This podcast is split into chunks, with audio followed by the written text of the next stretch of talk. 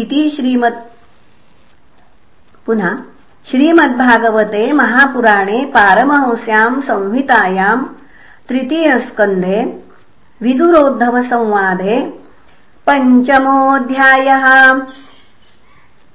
श्रीशुक उवाच द्वारिदुनुतनद्या ऋषभः कुरूणाम् मैत्रेयमासीनमगाधबोधम् क्षत्तोपसृत्याच्युतवावशुद्धः पप्रच्छ सौशील्यगुणाभितृप्तः विदुर उवाच सुखाय कर्माणि करोति लोको न तैः सुखम् वान्यदुपारमम् वा।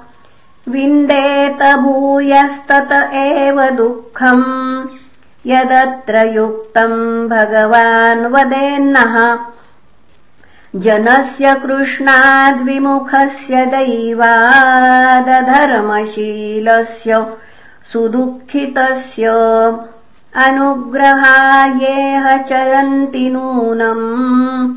भूतानि भव्यानि जनार्दनस्य तत्साधुवर्यादिशवर्त्मशन्नः संराधितो भगवान् येन पुंसाम्।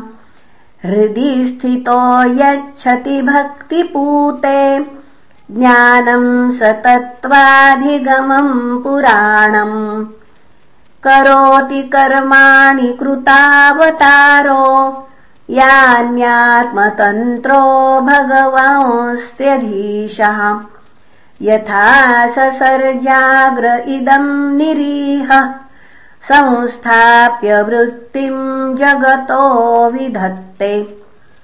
यथा पुनः खे पुनः यथा पुनः स्वेख इदन्निवेश्य शेते गुहायाम् स निवृत्तवृत्तिः योगेश्वराधीश्वर एक एतदनुप्रविष्टो बहुधा यथासीत्।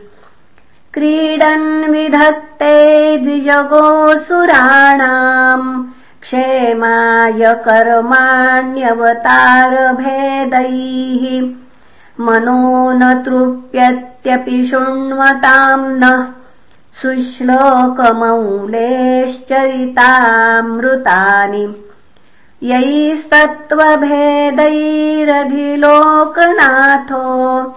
लोकान् लोकान् सह लोकपालान्।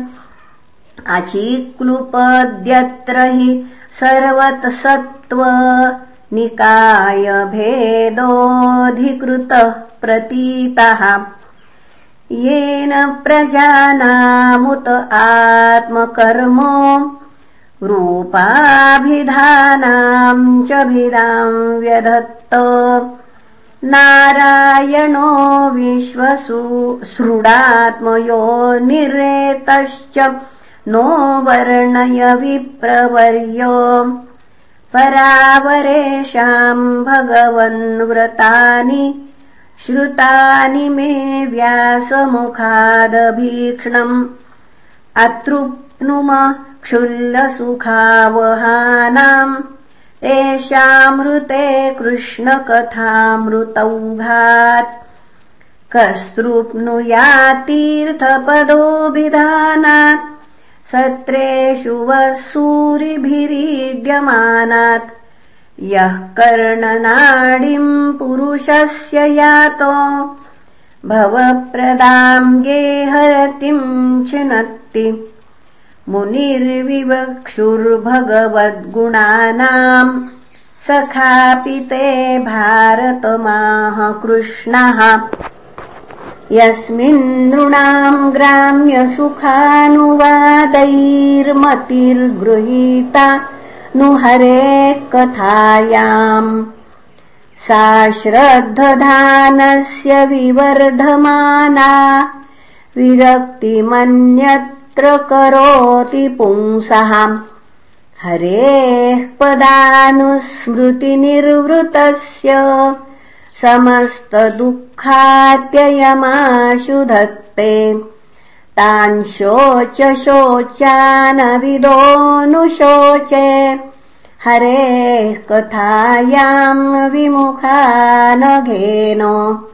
शिणोति देवो निमिषस्तु येषार्मायुर्वृथा वादगतिस्मृतीनाम् तदस्य कौशारव शर्मदातुर्हरे कथामेव कथासुसारम् उद्धृत्य पुष्पेभ्यः इवार्तबन्धो शिवायन कीर्तयतीर्थकीर्तेः स विश्वजन्मस्थितिसंयमार्थे कृतावतार प्रगृहीतशक्तिः चकारकर्माण्यतिपूरुषाणि यानीश्वरः कीर्तयतानि मह्यम्। श्रीशुक उवाच स एवम् भगवान् पृष्ठ क्षत्राकंशारविर्मुनिः। पुंसाम् निःश्रेयसार्थेन तमाह बहुमानयन् मैत्रेय्य उवाच। साधुपृष्टम् त्वया साधो लोकान् साध्वनुगृह्णताम् कीर्तिम् वितन्वता लोके आत्मनोधोक्षजात्मनः। नैतच्चित्रम् त्वयि क्षत्तरबादरायणवीर्यजे गृहीतोऽनन्यभावेन यत्त्वया हरिरीश्वरः।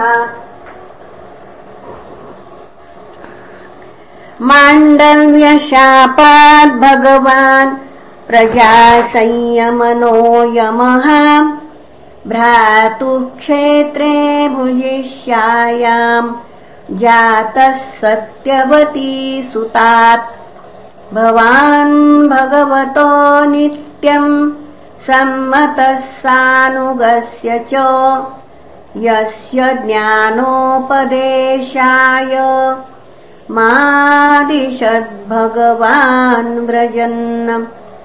अथ ते भगवल्लीला योगमायोपबृंहिताः विश्वस्थित्युद्भवान्तार्था वर्णयाम्यनुपूर्वशः भगवानेक आसेदमग्र आत्मात्मनाम् विभुः।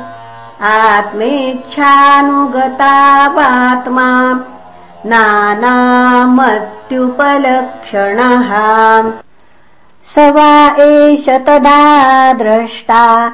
नापश्यदृश्यमेकराट् मेने सन्तः मिवात्मानम् सुप्तशक्तिरसुप्तदृक्म्।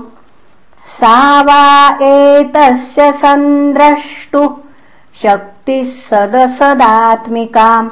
माया नाम महाभाग ययेदम् निर्ममे विभुः।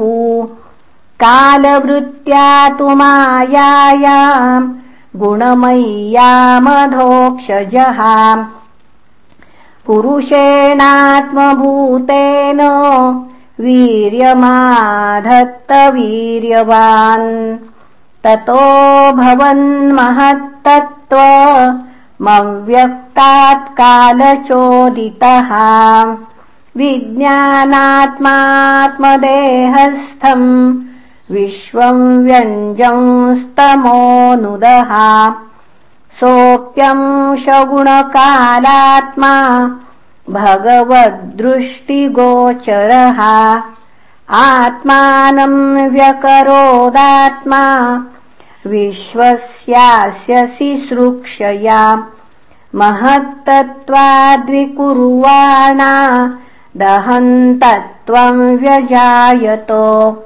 कार्यकारणकर्तात्मा भूतेन्द्रियमनोमयः। वैकारिकस्तैजसश्च तामसश्चेत्यहम् त्रिधा। अहम् तत्त्वाद्विकुर्वाणान्मनो वैकारिकादभूत् वैकारिकाश्च ये देवा अर्थाभिव्यञ्जनम् यतः तैजसानीन्द्रियाण्येव ज्ञानकर्ममयानि च तामसो भूतसूक्ष्मादिर्यतः खम् लिङ्गमात्मनः कालमायांशयोगेन भगवद्वीक्षितम् नभः। नभसोऽनुसृतम् स्पर्शम् विकुर्वन्निर्ममेनिलम् अनिलोऽपि विकुर्वाणो नभसोरुभया पुनः नभसोरुबलान्वितः ससर्जरूपतन्मात्रम् ज्योतिर्लोकस्य लोचनम् अनिलेनान्वितम् ज्योतिर्विकुर्वत् परवीक्षितम् आदत्ताम्भोरसमयम् कालमायांशयोगतः ज्योतिषाम्भोऽनुसंसृष्टम् विकुर्वद्ब्रह्मवीक्षितम्। महीम् गन्धगुणामाधात् कालमायांशयोगतः। भूतानाम् नभ आदीनाम् यत्यद्भव्यावरावरम्। तेषाम् परानुसंसर्गाद्यथा सङ्ख्यम् गुणान् विदुः। एते देवा कला विष्णोः। कालमायांशलिङ्गिनः नानात्वात् स्वक्रियानीशा प्रोचुः प्राञ्जलयो विभुम्। देवा ऊचुः न नाम ते देवपदारविन्दम् प्रपन्नतापोपशमातपत्रम् यन्मूलकेतायतयोञ्जसोरु संसारदुःखम् बहिरुत्क्षिपन्ति धातर्यदस्मिन् भव ईश जीवास्तापत्रयेणोपहतान शर्म आत्मल्लभन्ते भगवंस्तवाङ्घ्रिच्छायाम् स विद्यामत आश्रयेम। मार्गन्ति यत्ते मुखपद्मनीडैर्छन्द सुपर्णैरुषयो विविक्ते। यस्याघमर्षोदसरिद्वराया पदम् पदम् तीर्थपदः प्रपन्नाः। यदृच्छया श्रुतवत्या च भक्त्या संरुज्यमाने हृदये वधाय। ज्ञानेन वैराग्यबलेन धीरा। व्रजेम तत्तेऽघ्रिसरोजपीठम् विश्वस्य जन्मस्थितिसंयमार्थे कृतावतारस्य पदाम्बुजम् ते। व्रजेम सर्वे शरणम् यदीश स्मृतम् प्रयच्छत्यभयम् स्वपुंसाम्। यत्सानुबन्धे सति देहगेहे ममाहमेत्यूढदुराग्रहाणाम् पुंसाम् सुदूरम् वसतोऽपि पुर्याम् भजेम तत्ते भगवन्पदाब्जम् तान् वै ह्यसद्वृत्तिभिरक्षिभिर्ये परारुतान्तरमनसः परेश अथो न पश्यन्तुरुगाय नूनम् ये ते पदन्यासविलासलक्ष्म्याः।